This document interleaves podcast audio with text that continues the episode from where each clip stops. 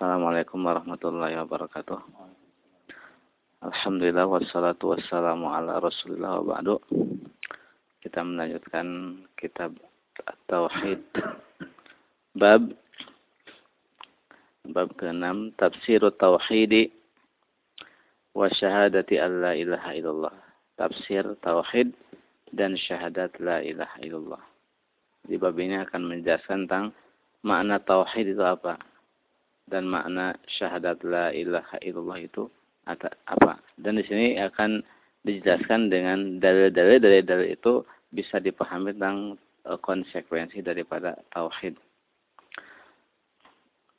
Wa qawlillahi ta'ala dan firman Allah Subhanahu wa taala Ulaika alladziina yad'uuna yabtaghuna ila rabbihimul wasilata ayyuhum aqrab.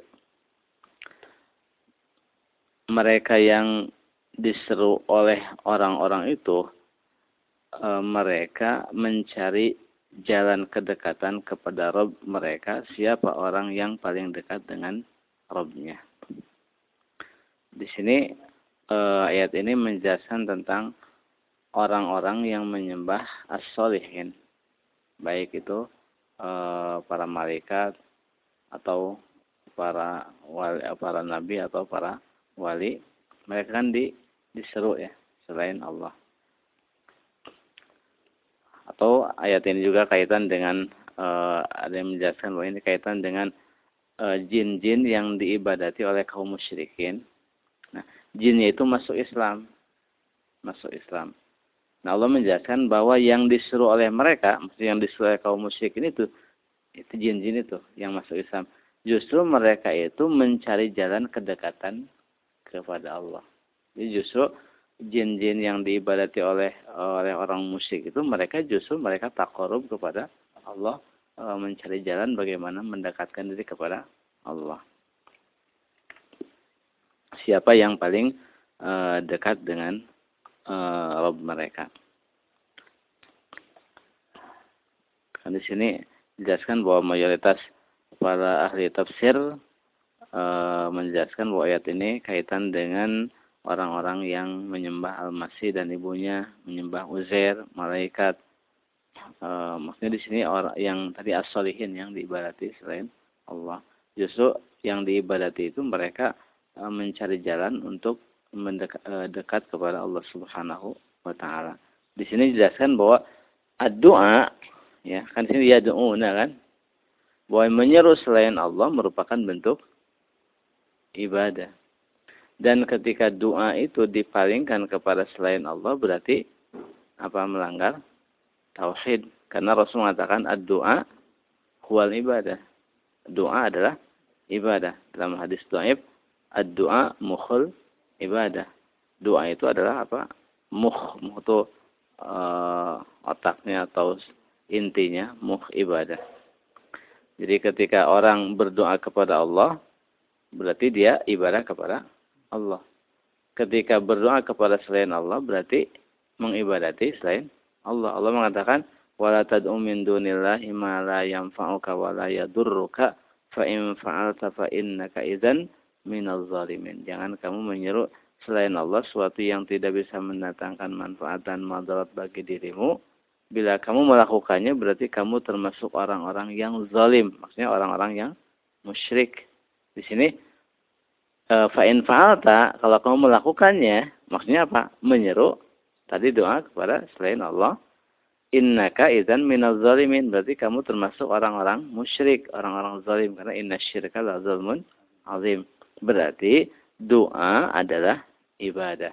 Ketika disandarkan kepada Allah adalah e, tauhid, ketika disandarkan kepada selain Allah adalah syirik. Sehingga orang yang berdoa kepada selain Allah adalah orang musyrik.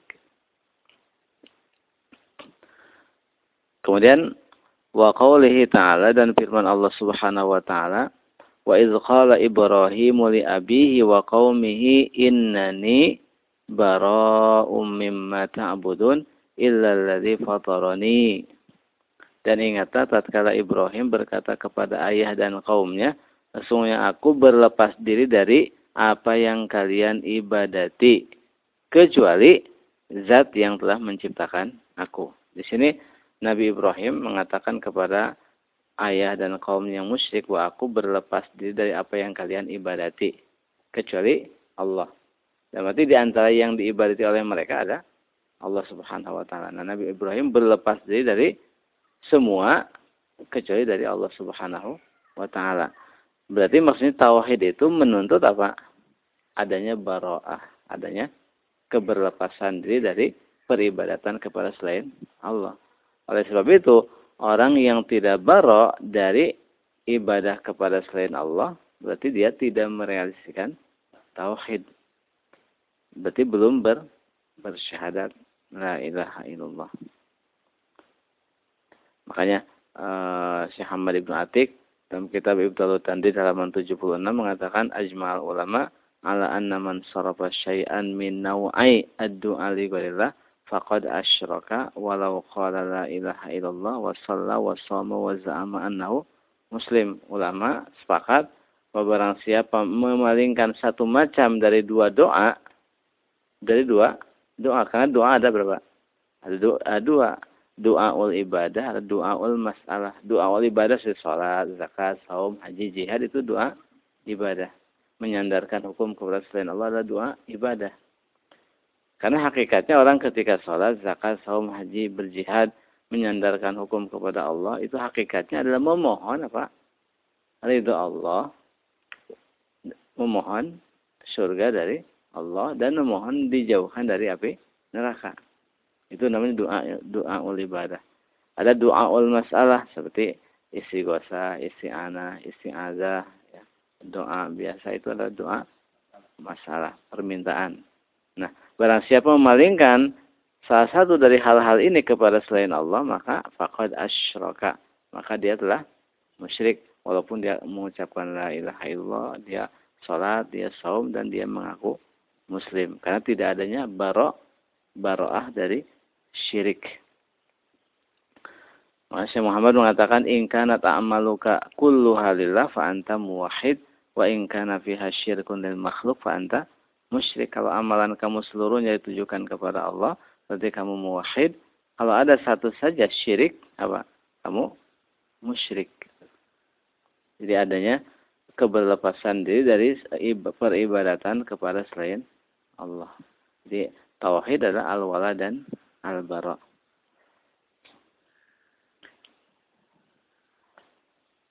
Kemudian wa qawlihi ta'ala ittakhadhu ahbarahum wa ruhbanahum arbaba min dunillah. Dan firman Allah Subhanahu wa taala uh, orang-orang Nasrani menjadikan alim ulama dan pendeta mereka sebagai arbab min dunillah. Tuhan-tuhan selain Allah.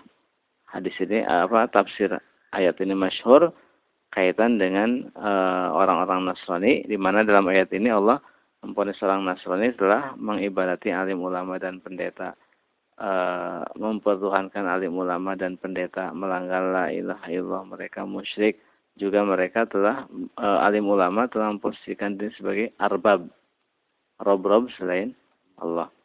Nah, ketika ayat ini dibacakan Rasulullah di hadapan Adi ibnu Hatim, dalam hadis At-Tirmidzi, hadis Hasan, dihasankan oleh Ibnu Taimiyah.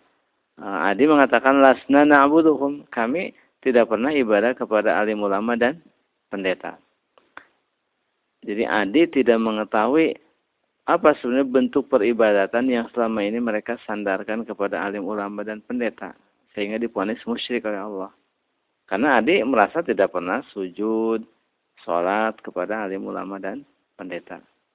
Maka Rasul mengatakan, "Alaysa yuhilluna ma haramallahu fa tuhillunahu wa yuharrimuna ma ahallallahu fa tuharrimunahu?" Bukankah mereka itu menghalalkan apa yang Allah haramkan terus kalian ikut menghalalkannya dan mereka mengharamkan apa yang Allah halalkan terus kalian ikut mengharamkannya kata Adi bala iya kata Rasulullah fatilka ibadatuhum itulah bentuk peribadatan kepada alim ulama itu jadi menyandarkan hukum kepada selain Allah adalah ibadah. Kenapa? Karena Allah mengatakan inil hukmu illa lillah. Amar Allah ta'budu illa iya. Hak menetapkan hukum hanya di tangan Allah. Berarti hak khusus Allah. Tashri ya. Karena e, kalimat al-hukmu ya, itu di antara maknanya adalah tasyri pembuatan hukum itu hanya khusus Allah milik Allah Allah tidak menyertakan seorang pun makhluknya dalam penciptaan maka Allah juga tidak menyertakan tidak memperkenankan satu makhluk pun dalam mengatur Allah mengatakan wala yusyriku fi hukmihi ahada Allah tidak menyertakan seorang pun dalam hukumnya dalam putusannya dalam qiraah mutawatirah Ibnu Amir membacanya wala tusyrik fi hukmihi ahada. Jangan kamu Muhammad menyekutukan seorang pun dalam putusannya. Karena apa? Karena Allah tidak pernah menyertakan seorang dalam seorang pun dalam penciptaan, maka tidak memperkenankan seorang pun ikut dalam pengaturan. Allah mengatakan ala lahul khalqu wal amr. Ingatlah penciptaan dan perintah itu milik Allah. Karena Allah yang menciptakan, Allah yang berhak memerintah, mengatur. Nah, ketika hak ini disandarkan kepada selain Allah, tadi kaitan dengan aturan, keberhakan pembuatan hukum malah disandarkan kepada selain Allah, loyalitas hukum diberikan kepada selain Allah, maka itu bentuk apa? Mempertuhankan selain Allah. Makanya dalam surat An-Nahl uh, Al-An'am ayat 121 wala ta'kulu mimma lam yuzkar alaihi wa innahu lafisqa wa inna syayatina la yuhuna ila awliyaihim liyujadilukum wa in ata'tumuhum innakum lamusyrikun. Ini kaitan dengan masalah haramnya bangkai kan. Ketika orang musyrik mereka menghalalkan bangkai dengan dalih itu sembelihan Allah dan mereka mendebat kaum muslimin supaya ikut menyetujui hukum mereka, kata Allah apa?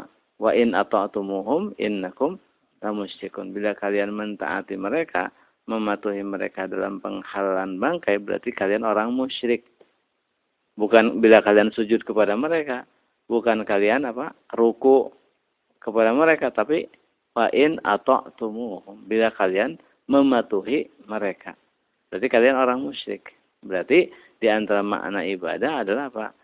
E, tadi penyandaran hukum kepada selain Eh, kepada Allah adalah ibadah kepada Allah, menyandarkannya kepada selain Allah adalah bentuk peribadatan kepada selain Allah. Kemudian selanjutnya firman Allah Subhanahu wa taala Wa minan nasi may yattakhidhu min dunillahi andada yuhibbunahum ka hubbillah. Dan di antara manusia ada orang yang menjadikan tandingan-tandingan selain Allah. Mereka mencintai tandingan-tandingan itu seperti kecintaan kepada Allah. Andad adalah majazabaka anil Islam. Sesuatu yang menarik dirimu dari keislaman, memasukkannya ke dalam kekafiran itu namanya andad atau nid. Andad kan jamaah nid. Jadi segala sesuatu yang memalingkan seorang dari apa? Dari tauhid, dari Islam itulah nid atau andan. Baik itu berhala, e, sosok, atau e, tanah air, atau istri, atau anak, atau apa apa saja. Ya. Ketika memalingkan seorang dari dari tauhid disebut andad.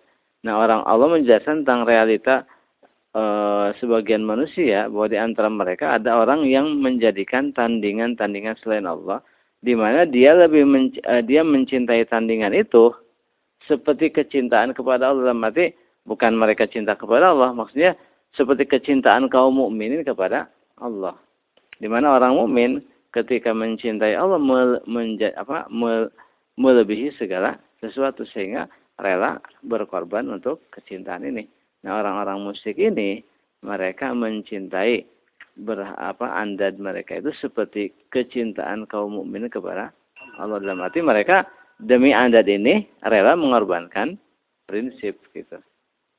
Kalau orang musyrik.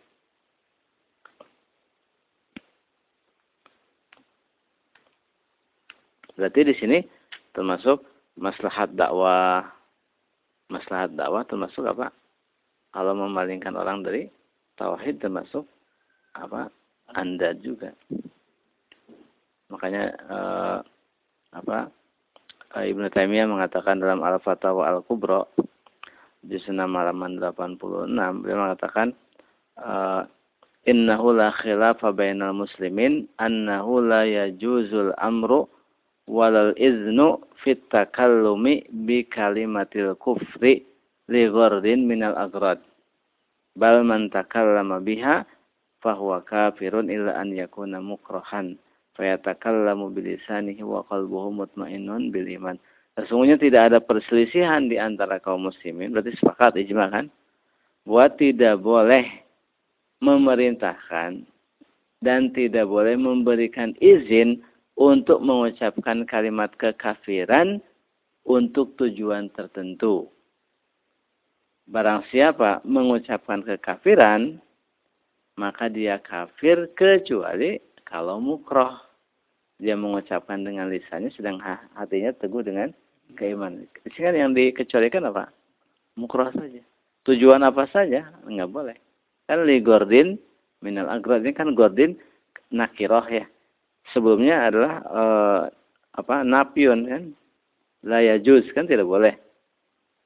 Sedangkan nakiroh dalam konteks nafyun atau nahyun atau istifham itu mengandung makna umum Berarti untuk tujuan apa pun tidak boleh. Termasuk untuk tujuan apa? Ikomatuddin. Orang melakukan apa? Mengucapkan kekafiran. Tidak boleh. Justru apa? Siapa yang mengucapkannya maka dia kafir. Kecuali kalau mukroh. Terus juga beliau mengatakan dalam uh, masih dalam kitab yang sama di senama halaman 75 warrajul law takallama bi kalamil kufri lima salihi dunya min ghairi haqiqati i'tiqadin sahha kufruhu batinan wa zahira. Orang bila mengucapkan kalimat kekafiran untuk kepentingan maslahat dunia di dunia ini tanpa disertai keyakinan hati maka sah kekafirannya secara lahir dan batin. Jadi hanya untuk apa? Hanya diri sana aja, luar saja hati, hati tidak. Tapi tidak mukroh, tapi untuk kepentingan maka apa? Sahha kufruhu batinan wazahir. Jadi kafirnya bukan zahir aja, tapi apa? Batinan. Wazahir. Kenapa? Kan kita sudah paham apa? Ada talazum baina zahir wal wal batin. Makanya dikecualikan orang mukroh itu.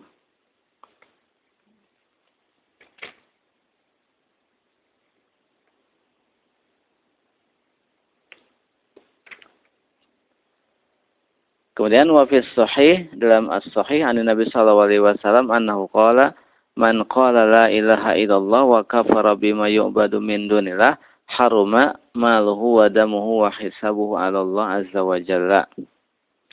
Uh, Rasulullah sallallahu alaihi wasallam mengatakan barang siapa mengucapkan la ilaha illallah dan dia kafir terhadap segala sesuatu yang diibadati selain Allah maka terjagalah harta dan darahnya sedangkan perhitungannya atas Allah Subhanahu wa taala.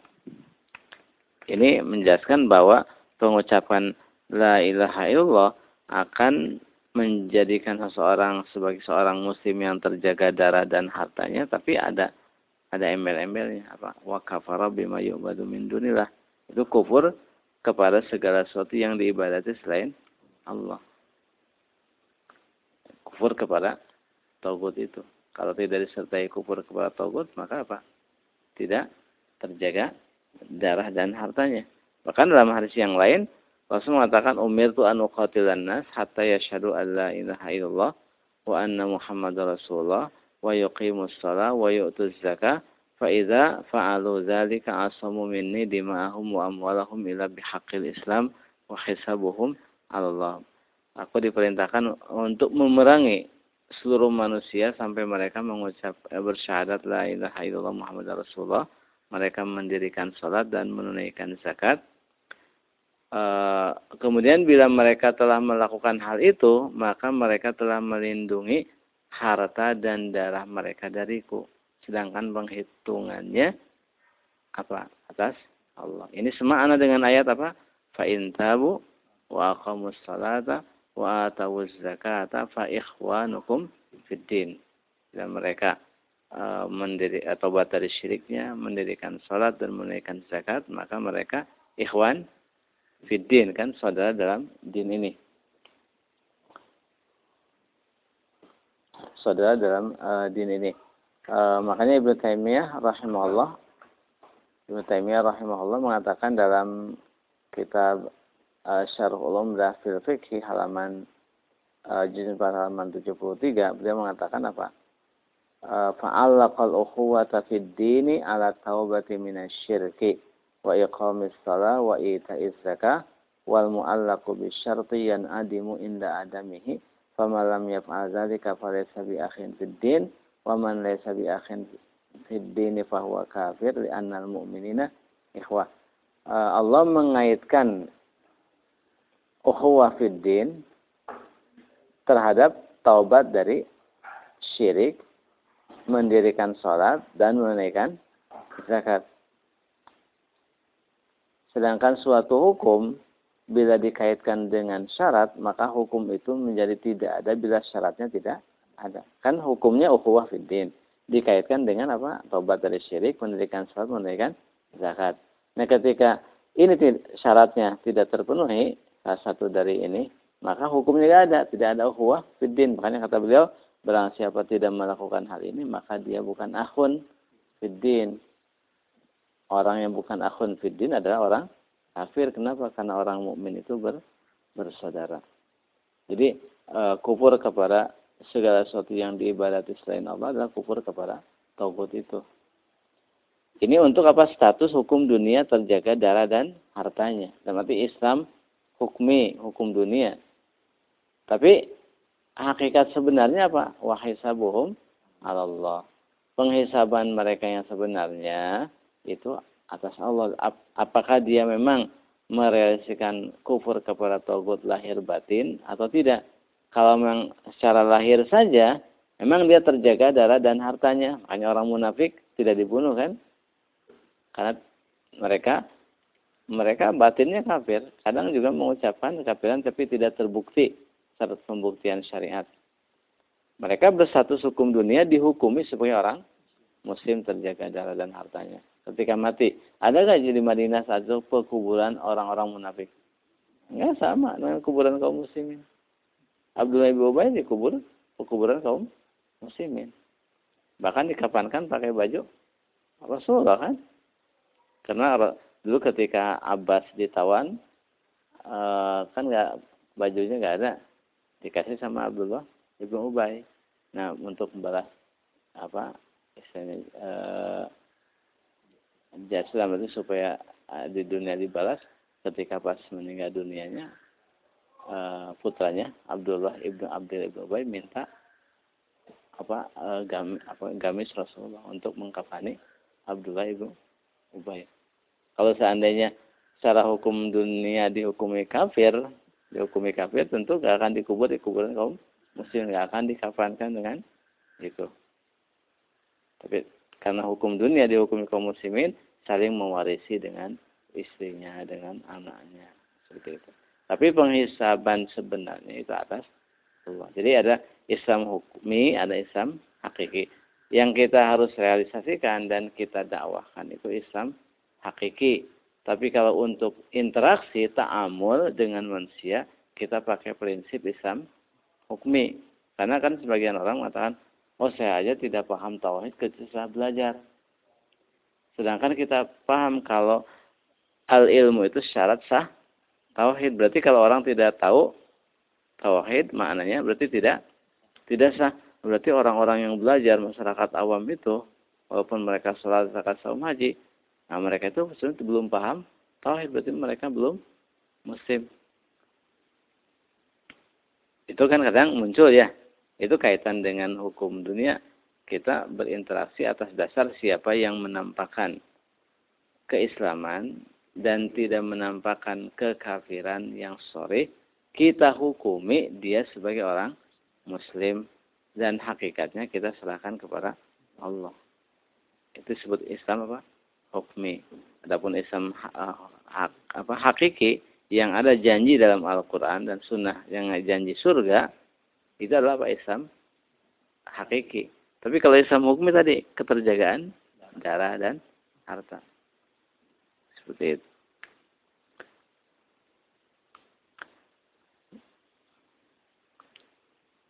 kita cukupkan dulu. Insya Allah nanti kita lanjutkan uh, uh, masail yang ada dalam bab-bab ini.